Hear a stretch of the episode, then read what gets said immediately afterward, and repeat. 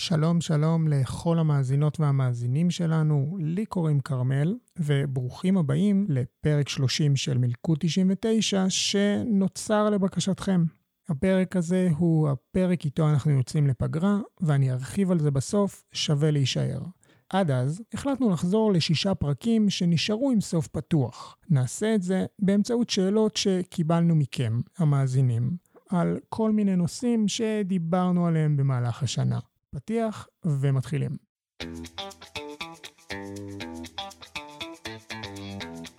מילקו 99, הון, שלטון ומה שביניהם. היי, אני דוד אסייג, אני גר בירושלים, אה, ואני שומע את הפודקאסט אה, מאז שהוא יצא, ובכללי נהנה מכל רגע. השאלה שלי לגבי פרק 2, הצגתם את כל הנושא של הזיכיון של אה, ים המלח, אז מה בעצם קורה היום? ואשמח גם לדעת איך הלובי פועל בעניין הזה. אהלן דוד, כיף לשמוע שאתה איתנו מההתחלה, ואתה צודק, כי מזמן לא עסקנו בים המלח, ובאמת הגיע הרגע לעדכון. האמת שאני גם קצת סקרן מה קורה שם, אז את השאלה שלך שלחתי אל עורכת הדין שקד הרן, שבשנה האחרונה רשמה כמות שעות לא מבוטלת של טיפול בנושא. בוא נשמע מה היה לה להגיד. אני אתחיל רגע מלהסביר מה בעצם קורה היום עם ים המלח. בעצם אה, ים המלח מופעל היום על ידי חברה בשם כי"ל, שיש לה את הזיכיון להפקת משאבים, זיכיון בלעדי להפקת משאבים אה, ממפעלי ים המלח. הזיכיון של כי"ל הוא בתוקף עד 2030, אה, שזה בעצם עוד שמונה וחצי שנים. עכשיו אני יודעת שזה עשוי להישמע כמו תקופה ארוכה, אבל ביחס לכמות העבודה שיש למדינה אה, לקראת אה, תום תקופת הזיכיון, זה בעצם אה, ממש מעט זמן.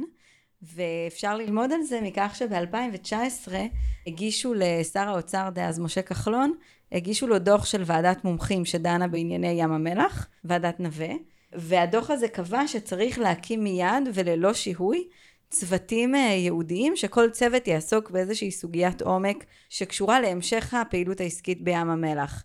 גם להחליט מה המודל המשפטי שתחתיו ינוהלו מפעלי ים המלח, גם להחליט איך מתמודדים עם המפגעים הסביבתיים שכי"ל משאירה מאחוריה, גם להחליט על אופני המיסוי, כל מיני דברים כאלו שהיה צריך להתחיל לעבוד עליהם כבר ב-2019, כדי להגיע ל-2030 כשהמדינה מוכנה ויש לה את התשובות על איך נראה עתיד ים המלח. אלא שבעצם מאז לא נעשה דבר וחצי דבר. לובי 99 היה לו חשד כבר אה, לפני למעלה משנה שבעצם הצוותים האלו לא קמים וששום דבר לא מתקדם והגשנו בקשת חופש מידע בנושא הזה ואפילו הגענו לבית משפט ומה שלמדנו מכל התהליך הזה והמידע שנחשפנו אליו זה שבאמת לא חלה שום אה, התקדמות לא בהקמת הצוותים ולא בבחינת סוגיות העומק, והכל נותר כפי שהוא היה לפני למעלה משלוש שנים כשהתחילו את העבודה של הצוות. אז בעצם מה שהלובי עושה היום זה לפעול מול הממשלה החדשה, מול משרד האוצר, ובפרט מול, אה, מול החשב הכללי, כדי אה, להקים ללא דיחוי צוותים ייעודיים שבאמת יבחנו את סוגיות העומק הרלוונטיות וכדי שהמדינה תגיע מוכנה ל-2030 כשהיא יודעת בדיוק מה היא צריכה לעשות, כשהדברים מוסדרים מול כי"ל, לוודא שכי"ל לא משאירה אחריה קרקע שרופה ומזוהמת ולא אה, עוזבת את השטח בלי לתת דין וחשבון לנזקים העצומים שהיא כרגע אחראית להם. זהו, זה בגדול מה שהלובי עושה היום, ואנחנו מקרבים בקרוב לעדכן בהתפתחויות חיוביות. תודה רבה לדוד על השאלה ולשקד על התשובה.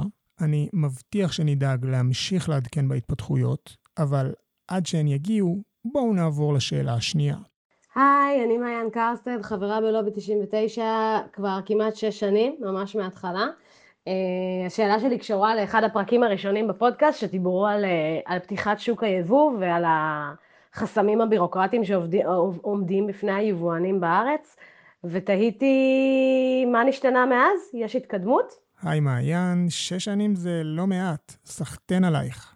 ולגבי השאלה שלך, אני מאמין שאין צורך להציג את מומחית היבוא שלנו, אבל בכל זאת. מי שתענה על השאלה היא רחל גור, עורכת דין במקצועה, לוביסטית ציבורית ומנהלת תחום ממשלה בלובי 99. רחל?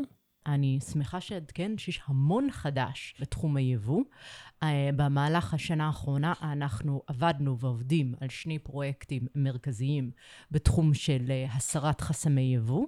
הראשון היה לובי מאוד מאוד אינטנסיבי מול שר הכלכלה דאז, השר עמיר פרץ, שבו עידדנו אותו לחתום על צו שיסיר חלק ממגבלות היבוא, בעצם יעביר קבוצה של מוצרים מהקטגוריה של הרבה בדיקות לקטגוריה של פחות בדיקות.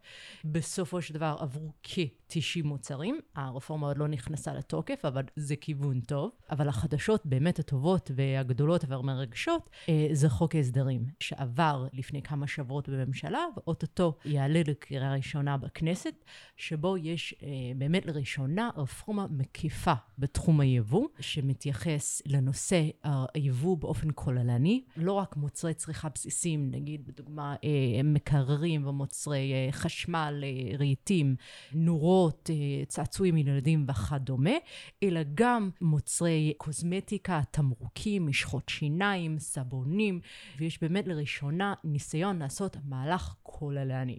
כמובן של uh, הלוביסטים, ובעיקר הלוביסטים של היבואנים הבלעדיים, זאת אומרת, uh, חברת דיפלומט וחברת שסטוביץ', שהם מייבאים את רוב המוצרים שאנחנו רואים uh, בסופר או בחנויות פארמה, מתנגדים לרפורמה הזאת בכל הכוח, ואנחנו עכשיו בעיצומו של מהלך כדי להילחם שהרפורמה תישאר בחוק ההסדרים. רק להזכיר שאנחנו מדברים על הסרת חסמי יבוא, אנחנו מדברים על כל הביורוקרטיה, להפוך את זה ליותר פשוט ויותר קל, אבל אנחנו מתמקדים במיוחד בנושא של הבדיקות של מכון התקנים. זאת אומרת, כל המוצרים האלו, מוצרי צריכה בסיסיים, כבר לא יצטרכו לעבור את הבדיקה של מכון התקנים, בהנחה שהם עומדים בסטנדרט אירופאי, או סטנדרט של אה, מדינה מפותחת אחרת, והיבואנים יוכלו לייבא את זה על סמך תצהיר. זאת אומרת, הם אומרים ומביאים מסמכים במקרים מסוימים שמעידים על כך שמדובר במוצר בטיחותי, אבל לא עוברים את הבדיקות היקרות והמסורבלות של מכון התקנים.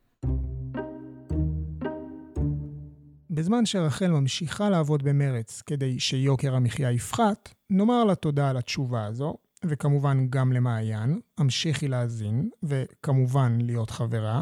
ועכשיו, יש לנו עוד שאלה. היי, רועי. קודם כל אני אומר שאני ממש אוהב את העשייה שלו ב-99, היא ממש ממש נדרשת, אז תודה רבה. עכשיו בנוגע לשאלה, בפרק 6 אתם דיברתם על הסיפור של נוני מוזס בבנק הפועלים, וזה מיד הצית לי את המחשבה של האם יש עוד ענייני הון שלטון עיתון שהלובי עוסק בהם היום, שהם עם פחות אור זרקורים? תודה. קודם כל, כיף שאתה אוהב את העשייה של הלובי, אנחנו בהחלט מסכימים שהיא נדרשת, וקוראים גם לכם ולכן להצטרף כחברים במיזם. עכשיו, בנוגע לשאלה, מי שתענה עליה היא עורכת הדין זוהר אלטמן רפאל, שעל הדרך היא גם הלוביסטית הציבורית שאחראית על הנושא בלובי. היי רועי, כן, גם היום צוצות להם מדי פעם פרשות הון שלטון עיתון, כי כל המודל של התקשורת המסחרית בנוי בצורה כזאת.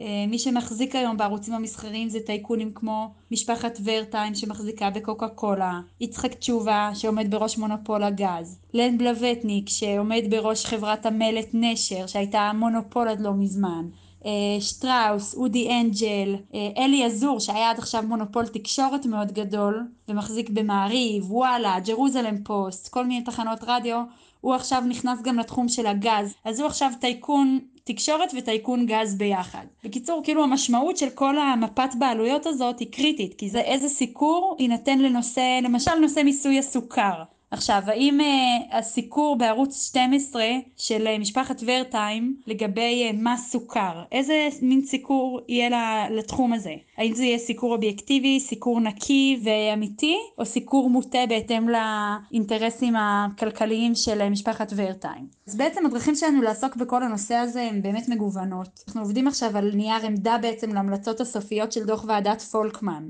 זו ועדה שהיא בדקה את הרגולציה בתחום של השידורים. וההמלצות שלה לא מספיק נוגעות בנושא הזה, בליבה, בקשר בין ההון, שלטון והעיתון, ואנחנו רוצים להציף את זה ולנסות אה, לדחוף כן לעסוק קצת יותר בנושא הזה, לפרק את הריכוזיות ואת הבעלויות הצולבות. עוד משהו שאנחנו עושים, יש לנו טיוטה כבר של הצעת חוק שעוסקת בדיוק בזה, לאסור בעצם על מונופולים ועל אה, גופים פיננסיים כמו חברות ביטוח, בנקים, להחזיק בערוצי תקשורת. ועוד משהו שאנחנו עושים זה בעצם לבדוק אפשרות לתקן חקיקה בתחום של גילוי נאות. איך מחייבים את בעלי השליטה בכל כלי התקשורת לדווח על האינטרסים הכלכליים שלהם, כדי שיהיה אפשר למפות את מערכות היחסים האלה ובעצם לחשוף אותן. ועוד נושא שהוא באמת קשור לזה, זה כל הנושא של תביעות השתקה. זה בעצם תביעות שמוגשות על ידי גורמים חזקים ומבוססים נגד מי שמעז להעביר עליהם ביקורת. וזה מאוד מאוד אה, חשוב כדי בעצם לאפשר סיקור אה, אמיתי ועצמאי וביקורתי. בקיצור, יש עוד הרבה הרבה מה לעשות בנושא הזה ואנחנו אה, עובדים בכל הכוח. אז אה, תודה רבה ובהצלחה לכולנו. תודה רבה לרועי ולזוהר, שגם סיפרה לי אחרי זה שיש עוד כמה דברים על הפרק, אבל עוד קצת מוקדם לדבר עליהם, ואני מבטיח לעדכן אחרי הפגרה. עד אז, רק רציתי לספר לכם שמלבד פרק 6, שהוא מעולה בפני עצמו, בפרק 28 שלנו, זוהר מרחיבה באופן מרתק על סוגיית ההון שלטון עיתון, ואני ממש ממליץ לכם להשלים פערים אם טרם האזנתם. ועכשיו, נעבור לשאלה הרביעית שלנו. שלום לכם, כאן אה, נילי מירושלים, אני גם חברה וגם אה, מאזינה אדוקה אה, ככה לפודקאסטים שלכם. אני אשמח לשאול שאלה בקשר לפרק 9, כי בזמנו דיברתם על הסדר החוב של פישמן וסיפרתם שתפנו עם זה לבית המשפט. רציתי לדעת מה קורה עם זה, האם פניתם, האם יש איזושהי התקדמות, לקבל ככה קצת תמונת מצב. היי נילי, מאחר ואת מאזינה אדוקה, אני מניח שאת כבר יודעת מי תענה על השאלה שלך. אבל ספוילר קטן, הסיפור עוד לא נגמר, ונראה לי שאתן לעורכת הדין נועה זלצמן, שהיא הלוביסטית הציבורית שמטפלת בנושא, לענות על השאלה. טוב, אז אולי כדאי שנחזור להתחלה. לפני קצת יותר משנה בית המשפט המחוזי אישר את הסדר הגישור עם בני משפחת פישמן, שלא דורש מהם להחזיר נכסים רבים שאליעזר פישמן העביר להם בשנים שקדמו לפשיטת הרגל, בסכום שהוא מוערך בערך ב-250 מיליון שקל, ונותן להם פטור מלא וגורף מתביעות שיוגשו נגדם בעתיד. אנחנו פנינו לבית המשפט המחוזי בבקשה להצטרף להליך כידיד בית המשפט ולהתנגד להסדר הזה, שלדעתנו מיטיב עם בני משפחת פישמן, אבל פוגע בציבור הרחב. אבל לצערנו הבקשה שלנו נדחתה. זה היה המצב כשהפרק הקודם שודר. מאז הנאמן על הנכסים של פישמן הגיש ערעור לבית המשפט העליון על חלקים מסוימים בהסדרים עם בני המשפחה, ובין היתר על הפטור הגורף שניתן להם מתביעות עתידיות. מי שאמור לייצג את האינטרס הציבורי בהליך הזה היא הממונה על הליכי חדלות פירעון, ובחודשים שעברו נפגשנו עימה מספר פעמים בניסיון לשכנע אותה להצטרף לערעור ולצאת נגד ההסדר הזה. בבית המשפט המחוזי היא לא עשתה את זה כי הנושים של פישמן, כלומר הבנקים שהלוו לו את הכסף, הסכימו להסדר. אנחנו חושבים שההסכמה של הבנקים לא מספיקה, ובכל מקרה, מאז שההסדר אושר הייתה התפתחות משמעותית. ניתן פסק דין בבית המשפט הגבוה של לונדון, שכולל קביעות חריפות כלפי בני המשפחה של פישמן, ואנחנו מקווים שהוא יגרום לשינוי עמדתה של הממונה. היא אמורה להגיש ממש בקרוב את התגובה שלה לבית המשפט העליון, ואנחנו כמובן נעדכן כשזה יקרה.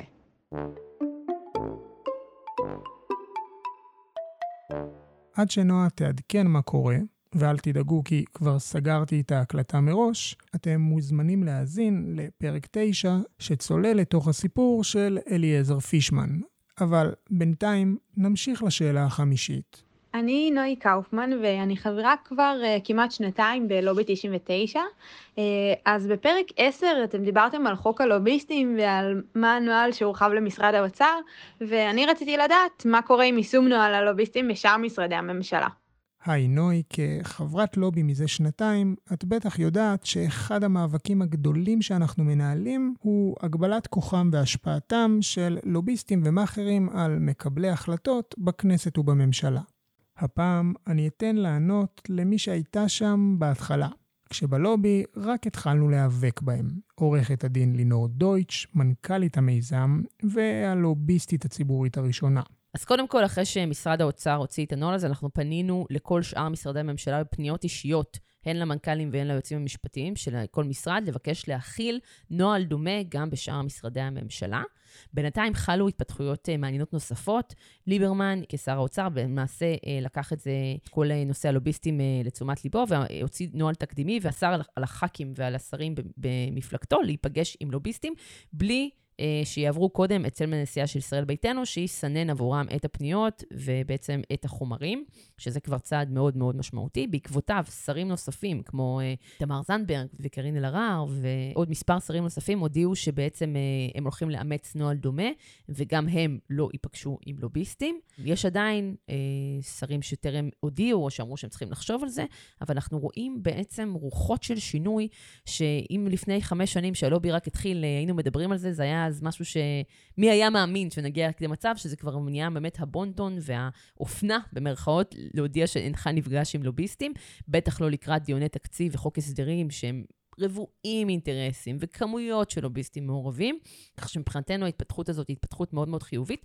זה כמובן לא סותר את זה שאנחנו ממשיכים לנסות לקדם את הנוהל המקצועי מול שאר משרדי הממשלה, שגם אנחנו מקדמים את זה גם מול נציבות שירות המדינה, להכניס לתקשיר של תקנון שירות המדינה, להכניס לשם בעצם הוראות uh, משמעת שנוגעות על פגישות עם לוביסטים, ובנוסף, שאנחנו ממשיכים לקדם את תיקון החקיקה חוק המאכערים שלנו, שאנחנו חושבים שצריך להעביר את זה בחקיקה ראשית, כדי שלא נהיה תלויים בנוהל של כל משרד ומשרד. כל זה בטיפול, כל זה נעשה בו זמנית, ואני מאמינה שגם יוכל להתקדם קצת אחרי שיעבור התקציב וחוק ההסדרים, שכרגע זה כל מה שמעניין את כל מי שנמצא בכנסת ובממשלה. אבל יש למה לחכות ויהיו עוד עדכונים. תודה.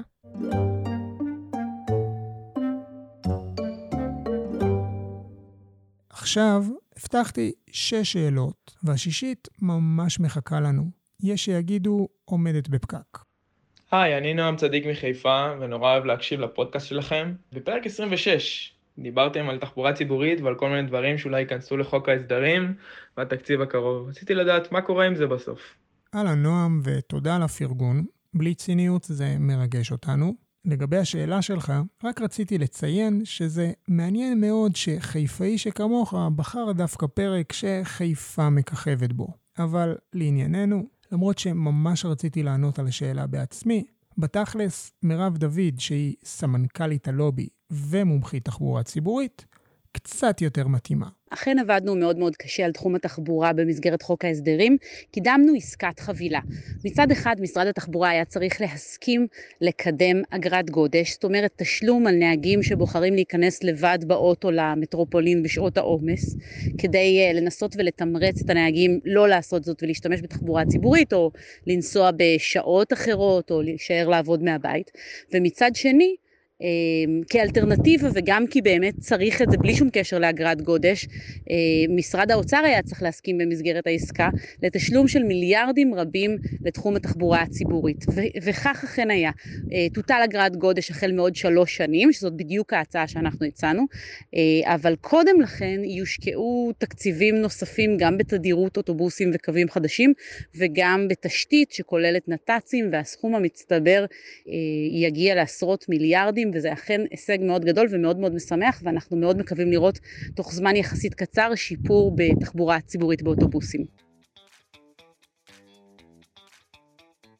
טוב, אז זהו. אתם האזנתם לעוד פרק במלכוד 99 שמסתיים ממש עכשיו. כלומר, עוד דקה והיא חשובה, אז תישארו איתי. כמו שאמרתי בהתחלה, זה הפרק האחרון שלנו לעונה הראשונה.